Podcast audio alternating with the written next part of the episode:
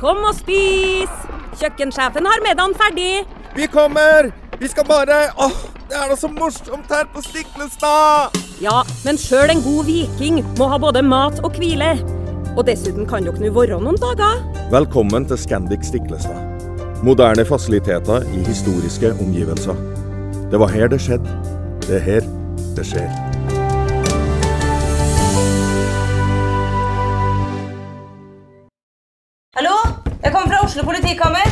Ine Jansen er purk. Er du purk? The motherfucking bitch. Alt jeg vil, er å finne ut hva som skjedde med mannen min. Jon Carew. Er jeg sikta for noe? Iben Akeli. Det er du. Ole So, Lars Berrum og Big Daddy Karsten. Hvem sin side er du på, egentlig? Anette Hoff, Tone Danielsen, Kommer du fra Afrika? Jørnis Josef, Nesten. Kløfta. Trond Espen Seim, Det er synd å si det, men det var feil mann som døde. Purk. Premiere tirsdag på TV2 Play.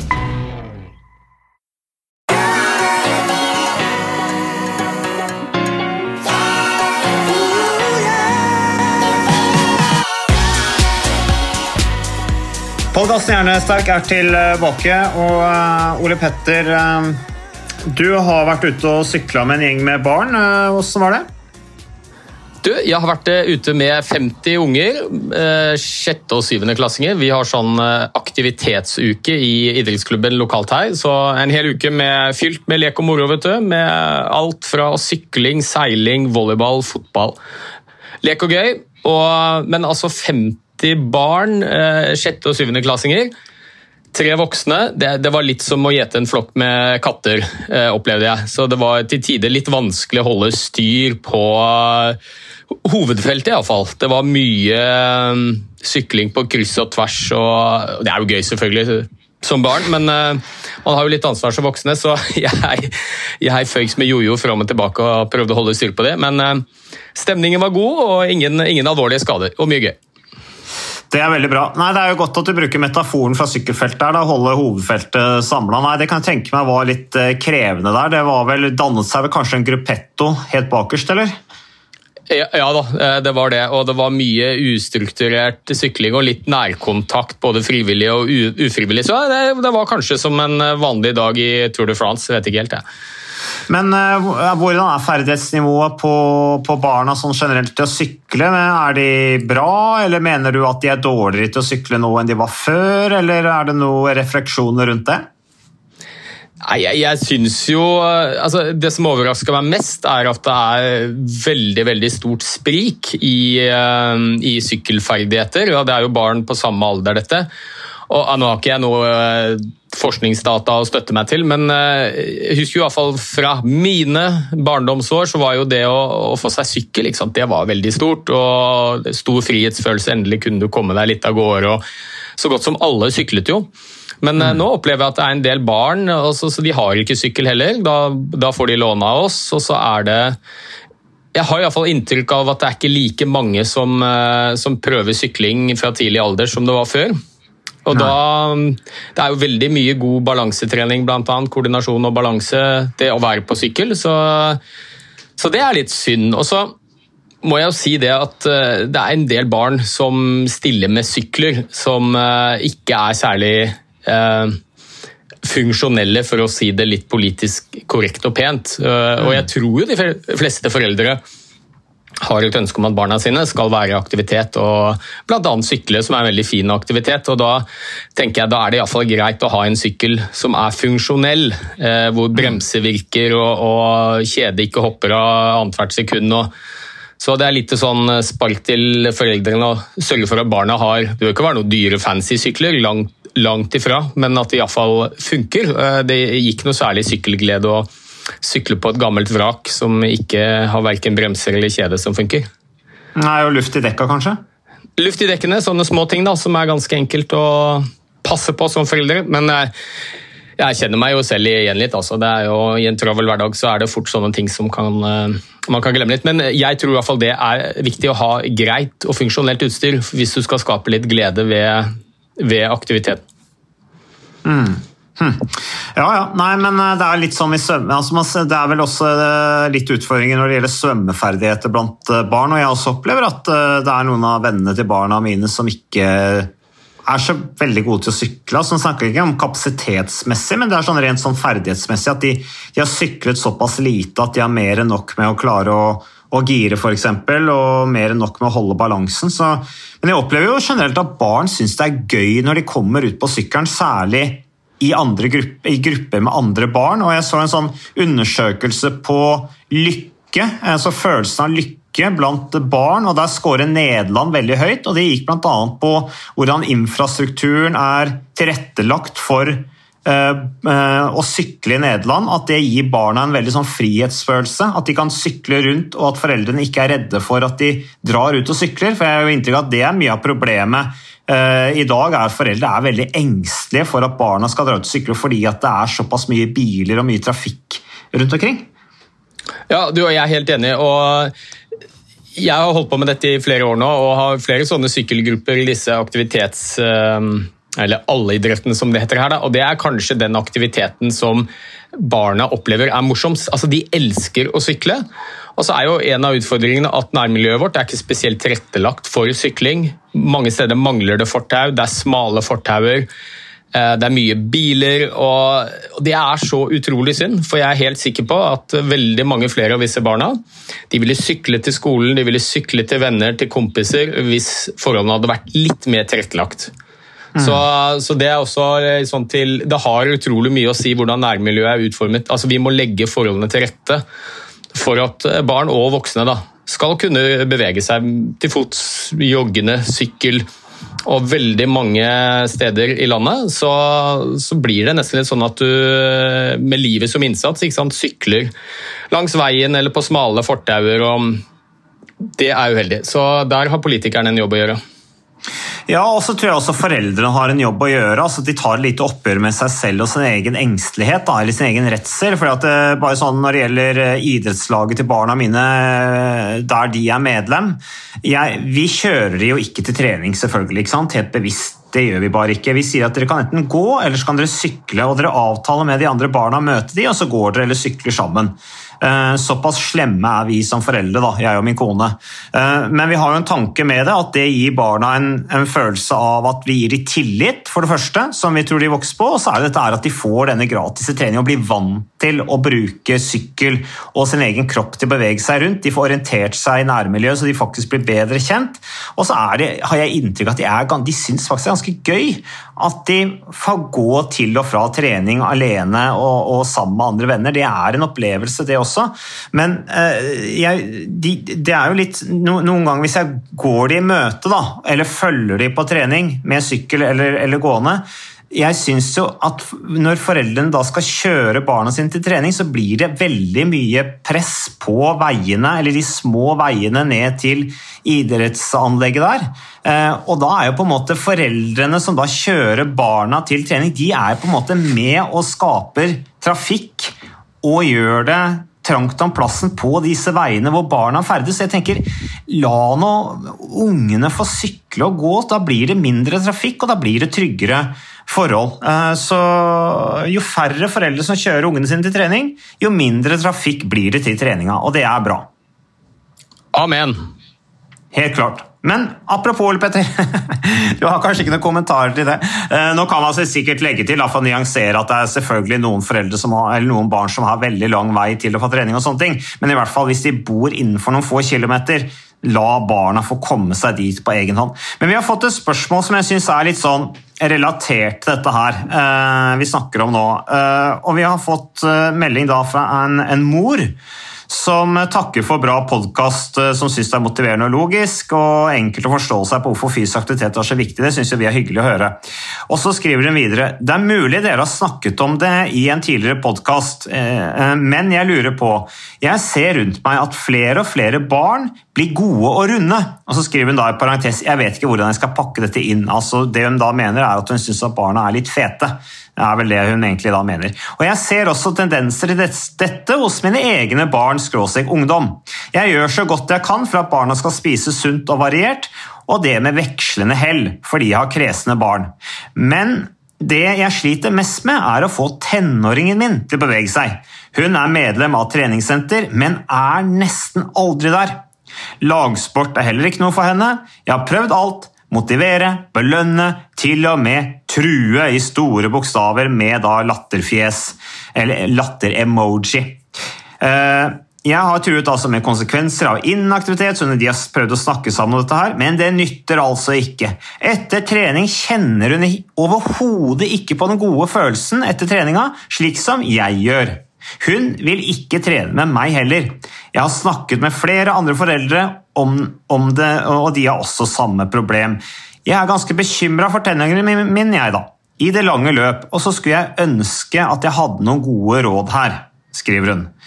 Um, vi har jo vært litt innom dette her, uh, Ole Petter, dette med barn og fysisk aktivitet og viktigheten av det. Uh, vi har vel også nevnt noen ganger at gjennomsnittsvekten til barn er betydelig høyere i dag enn det var for 30-40-50 år siden. Jeg vet ikke om du har noe tall i hodet på det? Jo, jeg har noen tall, og eh, akkurat som vi ser med voksne, så er vekten økende hos barn og ungdommer i Norge også. Helt sikkert ikke overraskende. Mange av de samme årsakene.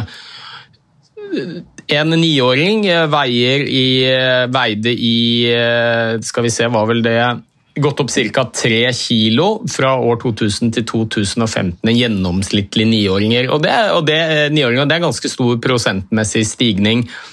Og vi ser jo i dag at rundt 20% av barn og ungdommer i Norge de har enten overvekt eller fedme.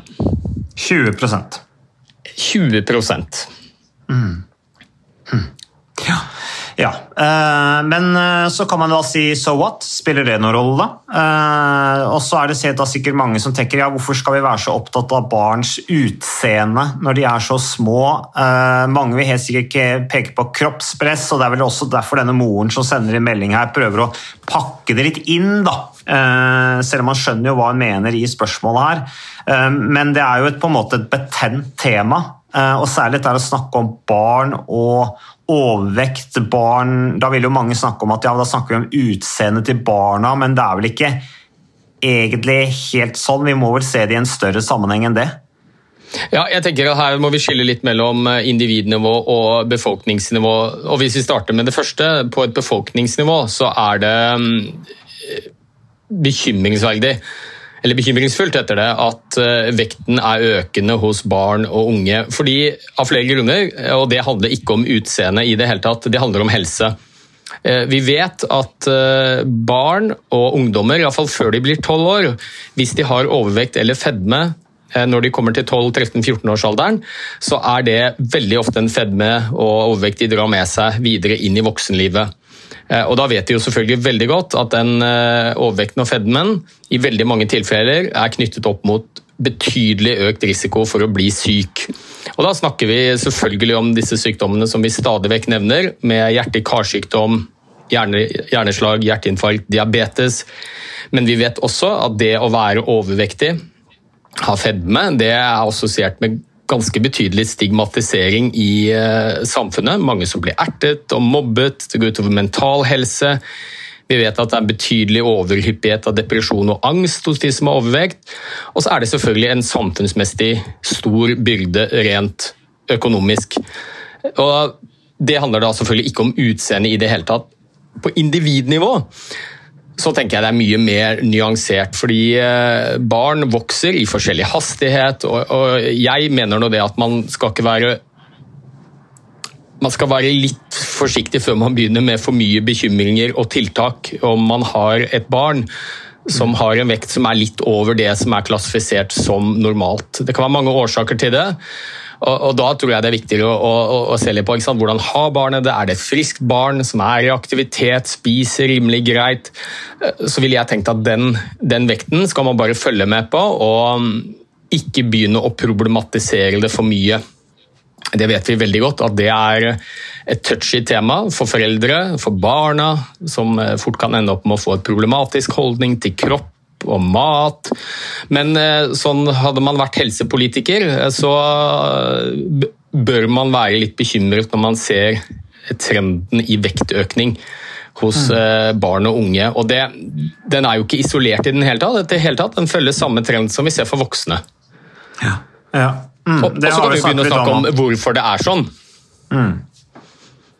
Ja, hvorfor det er det sier jeg sånn? gjerne litt om. Ja.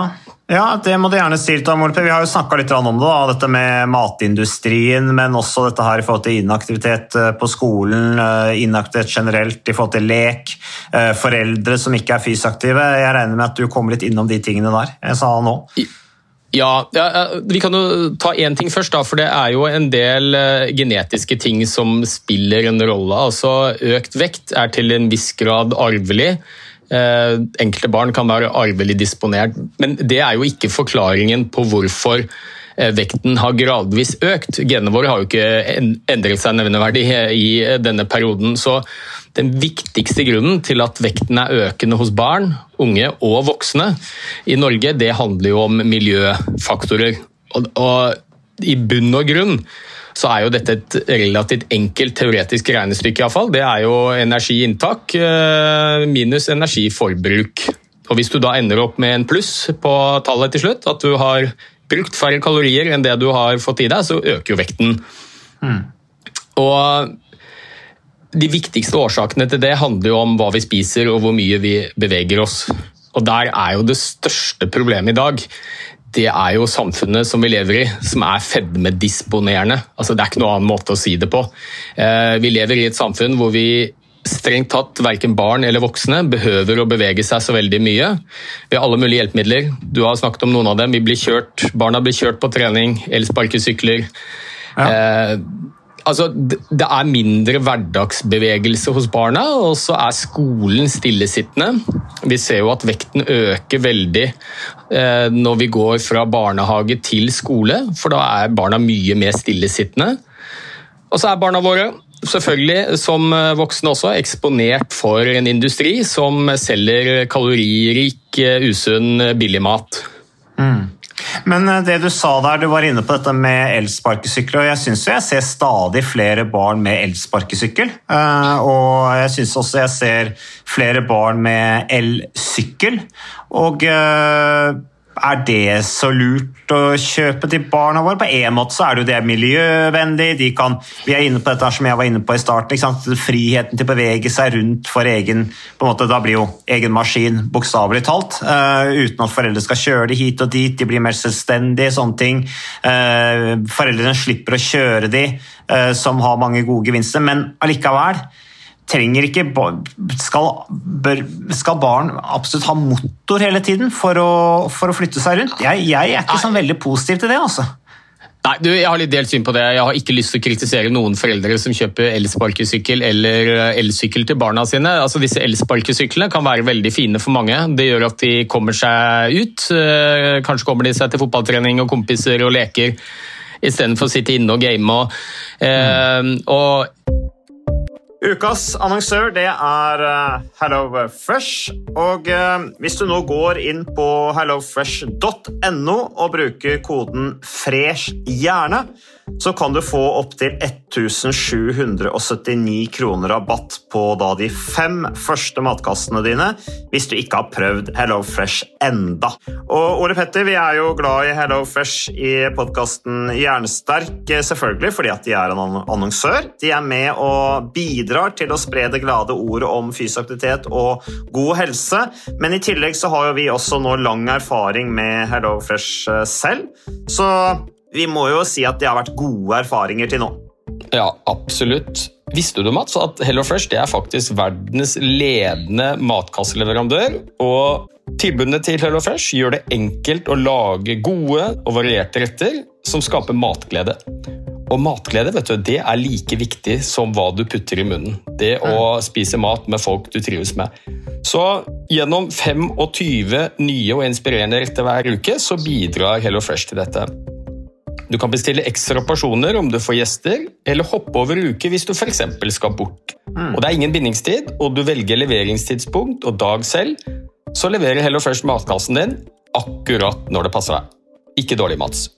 Nei, det er veldig bra. Så, eh, og dette er med enklere hverdag, det kan jeg nå skrive under på. For nå, forrige erfaring vi hadde forrige uke, Ole Petter, det synes jeg var Det var jo et gjennombrudd eh, for familien Kaggestad. For da lagde rett og slett barna de lagde middag og serverte middagen, så den var ferdig laget og servert da når eh, min kone Marita og meg kom hjem fra jobb. Og jeg mener Det var jo bare helt utrolig. Eh, Det var helt fantastisk. Det ble en nydelig middag. Riktignok de, de, de, de roter og søler litt, det gjør de. Så, men, men maten ble veldig god. De var veldig stolte over å kunne å ha både laget og servert maten, så det var helt fantastisk. Så vi har jo da i siste så har vi eh, spist eh, bl.a. sitron- og dillstekt hyse med ovnsbakte grønnsaker og aioli. Eh, Vi har spist middelhavsinspirert kylling. Taco, så finnes det mange ulike typer taco. F.eks. vietnamesisk taco, som vi har spist. Thailandsk vegetargryte. Veldig riktig og sunt eh, i dagens eh, samfunn med, med fokus på bærekraft. Hvitløk og chilistekte reker i spagetti, det var definitivt en vinner. Så det er så flott. Du får rimelig mat ved at du kun betaler for det du trenger, så det blir ordentlig feststemning med Hello Fresh. Det gjør det, og nå er det bare for deg å gå inn på hellofresh.no og bruk koden FRESH hjerne'. Da får du opptil 1779 kroner rabatt på de første fem matkassene dine, hvis du ikke allerede har prøvd HelloFresh. Du kan også bruke rabattkoden hvis du har stoppet abonnementet ditt for tolv måneder siden eller mer. Er det noe å lure på? Håper maten smaker godt. Bon appétit! Elsykler eh, gjør jo at mange sykler som ellers ikke ville gjort det, og de går jo ikke helt av seg selv, disse elsyklene. Du må jo fortsatt Nei. sykle, du kommer bare litt fortere og litt lenger. Så det er en bitte liten del av det. Så mitt hovedargument her er ikke å, å kritisere altså Vi bor jo, foreldre og barn, i samme samfunn. Og samfunnet vårt er laget sånn at uh, det er disponerende for fedme. Fordi vi, vi trenger ikke å bevege oss så mye. Uh, Verken på fritiden eller i skolen. Så mitt spark går mer til eh, de som styrer, politikerne. Vi, må, vi må legge forholdene til rette for at det er lettere for barn og unge å bevege seg trygt rundt. Vi må ha mer fysisk aktivitet i skolen. Eh, Anlegg. til politikerne, ja, ikke sant? At vi bygger eh, anlegg for parker og idrett og istedenfor eh, parkeringshus og motorveier, bare. Setter jeg det litt på spissen. Og ikke Ja. minst til regulering av dette med skattesatser. Da, ikke sant? Usunn mat versus sunn mat. Dette med skatteveksling. Som nå vi har snakket om mange ganger, hvor politikerne med ganske enkle pennestrøk kan eh, i alle fall motivere og hjelpe folk til å gjøre, det litt lettere å spise sunt. Eh, Bare for å ta det om elsykkel eh, eh, Så Ole Petter, så er det Jeg snakket faktisk med en dame om det oppe i nord når jeg var på Arctic Race of Norway, hvor de for, for øvrig bygger et helt fantastisk sånt sykkelanlegg oppe i Harstad med pump track og terrengsykkelbaner og veldig sånn laget for alle skal kunne være til stede og ha sykkelglede. Men hun dama jeg snakka med, hadde vært ute og syklet da med sin 11 år gammel sønn på, på tur. Da. De hadde leid elsykler, og hun, som hun sa at de er så, de er ganske små og tynne ofte i den alderen der, i sånn 7-8-9-10-årsalderen. Og sykler er ofte veldig tunge i forhold til kroppsvekten til barna. Da. Eh, Og da blir det jo ofte litt sånn, det ødelegger jo litt sykkelgleden, det der å finne en riktig sykkel. Så plutselig var det jo en helt annen sykkelglede, men det, det, de, de hadde jo en lang sykkeltur og var jo helt sikkert ute og, og fikk brukt både muskler og, og hjerte og lunger i, i stor grad. Så, så det der er jo selvfølgelig helt delt, da, for å, og jeg er helt enig med deg at det der skal nyanseres. Så, så bare sånn at det er sagt. Men, eh, men hva er utfordringen med at barn i tidlig alder er var, nei, fysisk inaktive og legger på seg. Du var litt inne på det, men det er jo barn, barnsalderen man legger grunnlaget. Min, min far har alltid sagt at de som blir gode idrettsutøvere, det er jo de som har mye aktivitet som barn. Dette her handler jo, I et folkehelseperspektiv så handler det om liksom, hva er kostnaden, fremtidige helsekostnaden ved at barn og unge er lite fysiaktive? For det er jo de som da i voksen alder får disse utfordringene fordi at de har fordi at Som voksen så får du jo ofte et problem hvis du har vært veldig lite aktiv som barn. Det henger jo litt sammen, det der.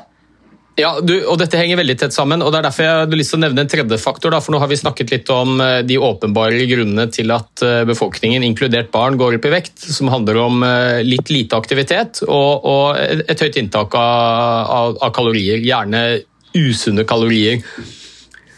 Men det er en tredje faktor også som har utrolig mye å si, og, og det handler om foreldrene til barna. Og, og, da snakker jeg ikke genetisk, la oss holde det litt utenfor. Det er en liten andel. altså Det har en, en viss, et visst ansvar for økt vekt hos noen barn, dette med, med, gener. Men det er mer Altså hva slags uh, rollemodell eller forbilde er man for sine barn? Og, og, Der ser vi jo fra studiet ganske tydelig at uh, hvis man har foreldre som er inaktive, og eller overvektige eller har fedme, så er det mye mer sannsynlig at barna får samme utfordringer. Og snudd på hodet, har du foreldre som er aktive uh, i god form, og kanskje har en relativt normal vekt, så er det mye større sannsynlighet for at barna også får den vekten. Så dette henger jo sammen. Mm. Så, så der tenker jeg der er det vi voksne er rollemodellene for barna våre, så er man en litt bekymret foreldre for sine barns vekt, så og det tipper jeg veldig mange av våre lyttere er gode på, og så er det jo å sørge for å ha gode vaner selv. Mm. Men, altså, men ha, ha, ha, litt kontroll på hva man spiser, og, og, vise at man er i aktivitet selv. Og så mm. bare lyst til å si én ting til slutt, og det er jo, eller ikke til slutt kanskje, men nå. Og det er jo at mm. um, jeg syns jo også denne problemstillingen at man burde vri fokuset litt. Spesielt når det gjelder barn og unge, så er dette med vekt ekstremt følsomt og sensitivt. Mm. Det er stigmatiserende. Så også her, og kanskje spesielt hos barn og unge, så bør vi heller snakke om gode vaner istedenfor å fokusere for mye på vekten i seg selv. For, for, veldig mange av disse barna så er det lite aktivitet som er en viktig årsak til at de går opp i vekt. Så istedenfor å fokusere på kiloene, så heller fokusere på å prøve å finne aktiviteter stimulere til bevegelsesglede. Ehm, og akkurat når det gjelder mat, så vet vi også at barn som blir litt interessert og oppfordret til å lage mat selv, jeg har jo niåring, han syns det er kjempegøy å få lov å holde på på kjøkkenet. Gå i butikken, sykler, kan han få lov til å bestemme hvilken middag vi skal ha. Så går han i butikken, handler. Første gang han gjorde det, så ble det donuts, så det var ikke noe spesielt heldig. Men, men eh, etter hvert ikke sant, så han syns det er gøy å lage mat, og lage mat fra bunnen av. Og da mm. spiser man automatisk litt sunnere også. Forklarer du, prater du med barna om hvorfor det er lurt å spise som vi gjør, eller dette her at ja, i dag spiser vi sånn, det er bra for sånn og sånn, og eh, du som er hjerneforsker, Ole Petter, det har den og den effekten på hjernen. Holder du på sånn, eller? Jeg har gjort noen spede forsøk, men det er helt meningsløst. Altså, jeg har ingen gjennomslagskraft på hjemmebane. Barna mine, de, si sånn, barna mine ser ikke på meg som noen hjerneforsker. Så nei, nei du, altså jeg prøver å unngå. Jeg tror aldri jeg har snakket med barna mine om, om vekt en eneste gang, men vi, vi snakka litt om bevegelse, for barna spør jo hvorfor er det så viktig å være i bevegelse. Og så mm. sier jeg men syns du det er gøy å leke, da? Ja, ja, ja, ja, men det er jo mm. kjempeviktig. Det er viktig å ha det gøy, og så er det bra for kroppen din og bra for toppen din. Og, ja. Men det er mm. viktig å finne noe du syns er litt gøy. og Litt, litt, det samme med mat. ikke sant? At man ikke det er meningsløst å begynne å snakke om eh, med en niåring eller tolvåring at nå må vi passe på den maten for den gir høy kolesterol eller har litt mye sukker. Så jeg prøver mm. å snakke litt generelt da, om, om uh, at mat er viktig. Vi må ha mat, og det er viktig å finne god mat og gjerne litt variert mat, så vi får i oss alle de tingene vi trenger. Uten å være noe sånn kategorisk på hva som er ja-mat og hva som er nei-mat. Utfordringen er vel at man, er, ja, man blir ikke filosof i eget land, som man uh, sier. Uh, som du sier, uh, man har ikke så stor gjennomslagskraft hos barna, barna våre. og Det er vel kanskje litt av utfordringen til hun damen som har sendt oss melding her også, på Instagrammen vår. at hun uh, sliter med å komme igjennom med budskapet til da, tenåringen sin. Uh, og jeg har jo litt inntrykk av her at uh, hun kanskje har jobbet ganske hardt med dette her, og da kan det jo fort bli en konflikt og kanskje bare gjøre det vondt verre. Så kanskje man skal la denne tenåringen være litt i fred. Bare sånn for min egen del, jeg var ganske rund selv, ja, altså. Fram til jeg var sånn rundt tolv år og plutselig begynte å sykle. Eh, fordi at jeg oppdaget eh, hvor vidunderlig idrett det var. Eh, men før det så Jeg har sett noen bilder av meg sjøl. Jeg, jeg, var ikke den slankeste gutten i klassen, jeg, er jo langt ifra den som var i, i best form. Jeg husker jeg var på en, en fjelltur med foreldrene mine, og så hadde jeg med meg en kamerat som var mye sprekere enn meg. En skikkelig fotballgutt. Var veldig mye aktivitet. Jeg var ikke så glad i å spille fotball, jeg var ikke så aktiv egentlig som, som liten.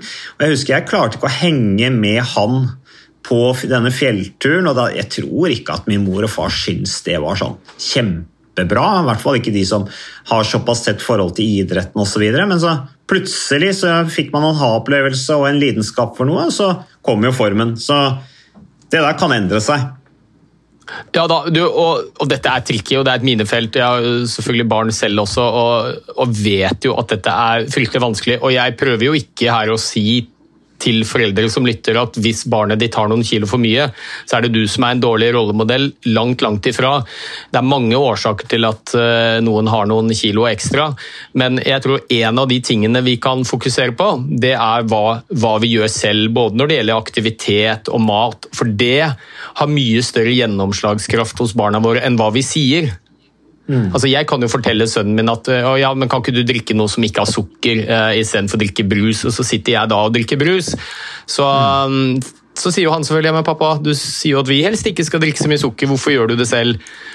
At man bare er veldig, veldig klar over den biten, altså. Og det um, Barna følger nøye med på hva vi gjør, og um, det legger litt føringer for hva slags valg de tar selv også. og og jeg har jo mye mer tro på en filosofi hvor man, hvis man ser at man har barn som kanskje begynner å bli litt runde, eh, og vi snakker om barn og ungdom, med mindre det er en så kraftig vektøkning at det begynner å gå på helsa løs, vi snakker fedmekategori, at det er ikke noe man i utgangspunktet trenger noe hjelp for fra utsiden, men at man istedenfor å fokusere for mye på vekten, prøver å ha fokus på hva er det som ligger under. At barna har noen aktiviteter som de trives med. Og, og det er jo en sånn kontinuerlig ja, vi skal kalle det kamp, men iallfall utfordring når man har barn. at uh, Det er ikke sikkert at de har lyst til å gå på treningssenter sånn som vi har gjort. Kanskje er de ikke like interessert i å sykle som du var, Mats, eller løpe som jeg drev med. Men prøve å eksponere dem for forskjellige aktiviteter, og så er det stor sjanse at de finner noe de syns er gøy. For det må være litt gøy. Du får ikke barn på åtte-ni år til å gå ut og jogge hvis de ikke syns det er gøy. Og heller ikke sykle hvis de ikke syns det er gøy. Så, så jeg, jeg, tenker at det bør kanskje Det er fort gjort at man fokuserer på det man ser på som et problem, de ekstra kiloene, men at man mm. kanskje isteden prøver å vinkle det mot det som ligger under Kanskje er det litt lite aktivitet, kanskje er det litt uheldig kosthold. Eh, og prøve å ta noen grep der. Mm. Istedenfor å snakke for mye om vekten, som er fryktelig stigmatiserende og vanskelig. Ja, og jeg tror vel ikke at hun moren her som har sendt inn eh, spørsmål til oss, har snakket konkret og direkte om vekten heller, men eh, hun har opplevd litt sånn bekymret. Jeg vil bare si det at jeg, nå, nå, var ikke det et riktig svar til henne, dette var veldig Nei. generelt. Og jeg har heller ikke noe mistanke om at hun har gjort det. Og, og, og her finnes det mange forskjellige løsninger, men uh, men jeg, jeg, tror som sagt at man ikke skal eh, problematisere det for mye. Og um, noen kilo ekstra mm. i åtte-niårsalder, uh, hvis det er barn som har det bra, er ute og leker og er aktive og spiser rimelig sunt, så ville jeg ikke gjort noe med det i det hele tatt. Rett og slett bare sett det an. Ja, bare fokusere på gode vaner og, og, lage god mat og sunn mat og ha det hyggelig rundt middagsbordet. og Kanskje hvis man skal gi et råd til hun moren her, da, uten at vi kjenner, eh, kjenner, henne godt nok til å kunne gi skikkelig råd, men kanskje bare det Det kan jo være at denne tenåringen syns det blir litt masete. Eh, og at kanskje at det er litt mye, mye fokus på trening. altså i tradisjonell forstand. Da. Veldig høy puls, eh, idrett, eh, treningssenter. Kanskje hun bare skal invitere henne med ut på en gåtur? Kanskje det kan ja, være gåglede? Ja, men Jeg kjenner meg jo veldig igjen. ikke sant? Og Dette er jo sånne samtaler man har med barna sine. så Når man kanskje vet at det ikke er så effektivt, hvor man, ikke sant? det kan være litt sånn truing og, og, Hvis du ikke gjør det og kommer deg i aktivitet, så får du ikke lov til å spille, eller du får ikke lov til ditten og datten. og Det er jo, det er jo som vi, veldig mange av oss tyr til. Jeg tror ikke det er spesielt eh, effektivt. Iallfall når vi nå snakker om aktivitet og mat. Eh, så tenker jeg at eh, bli gjerne med barna på noe aktivitet. Eh, klart Når barna blir tenåringer, så er det kanskje ikke mor og far de vil ha med, men, eh, men det aller viktigste er å prøve å hjelpe de litt. Dytte de kanskje i en sånn riktig retning, at de finner noe de trives litt med. Og når det gjelder mat, se på mat matvaner og, og måltidsvaner i familien. Lag gjerne mat sammen, la barna få lov til å lage mat, gå i butikken. Og Det er sånn hvor jeg ser blir sånn vinn-vinn. da. Man tenker kanskje som foreldre at man skal ha maten klar til barna, komme hjem fra trening eller hva det måtte være for noe, men det som jeg ser funker veldig godt hos oss, er når jeg spør sønnen min ikke sant, Philip, har du lyst til å lage middag i dag. Ja, ja, ja, kan jeg få kortet ditt? Og så går jeg i butikken. ikke sant? Så løper eller sykler han til butikken, og så handler han mat. Så kommer han hjem og så lager han mat. Det tar jo fryktelig lang tid, men uh, han storkoser seg, og maten blir sunn. Han har beveget seg. Så det er en del sånne praktiske ting som jeg tror funker ganske godt. Mm. Det var uh, mye bra det, Ole Petter. Så, uh, og det er hyggelig at folk sender inn uh, spørsmål til oss med litt sånn hverdagsutfordringer jeg tror veldig mange opplever og kjenner seg igjen i, og som man kanskje opplever som litt sånn ømtålige temaer. Men det er flott det, at foreldre er bevisst og er opptatt av barns oppvekst og utvikling. Det er kjempebra, men ikke lag til stressmoment. Og fortsett å gå foran som et godt eksempel uten å kanskje prakke på barna som noe selv. sånn at da kan det fort bli en konflikt, tror jeg. Men, men, men prøv å, å, å, lære hverandre, eller lære barna dette er på en måte som er hva skal vi si, gjør at de blir bevisst da, på en naturlig måte, er vel kanskje beste måten jeg klarer å ordlegge meg på akkurat nå, Ole Petter. Så takk for ja. Vil du si noe til slutt? Ja, du, jeg vil gjerne bare si, presisere egentlig litt det jeg startet med å si. at jeg tror Den viktigste grunnen til at vekten øker hos barn, det handler om samfunnsstruktur og det fedmedisponerende samfunnet vi lever i. og Der har politikerne den viktigste rollen og ansvaret for å gjøre noe med det. Men som foreldre, og jeg mener ikke på noen som helst måte å si at foreldre som har barn som har noen kilo ekstra, har gjort noe galt, men det er en del ting vi kan gjøre for å bidra, spesielt når det gjelder aktivitet og kosthold og egne vaner som kan hjelpe barna våre til rett og slett et litt sunnere og, bedre liv og gode, gode vaner. Men det viktigste ansvaret her det ligger på samfunnet, tenker jeg. da, At vi, vi må gjøre noe med med det samfunnet vi lever i, for å prøve å motvirke disse trendene. Og Da er vi tilbake igjen til det vi har gjentatt, til det kjedsommelige kanskje, med tilrettelegge for mer fysisk aktivitet, bevegelse i skolen, Eh, gjøre noe med matvarer, skatteveksling osv. Ja, og jeg var inne på dette bygg og anlegg. I borettslaget her jeg bor nå, så har de jo det er ikke så lenge siden de satte opp et bordtennisbord, og det blir mye brukt. Altså, eller stadig i økende grad brukt av barna. Så her eh, kommer det til å bli mye gode bordtennisspillere etter hvert, og det er jo flott form for fysisk aktivitet. Så tusen takk for at du lyttet til podkasten Jernsterk. Takk til deg, Ole Petter. Vi er tilbake med mer neste uke. Takk for nå.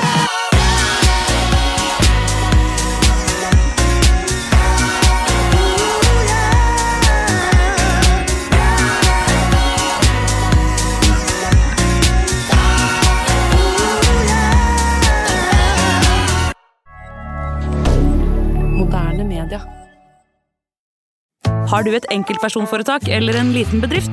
Da er du sikkert lei av å høre meg snakke om hvor enkelt det er med kvitteringer og bilag i fiken, så vi gir oss her, vi. Fordi vi liker enkelt. Fiken superenkelt regnskap.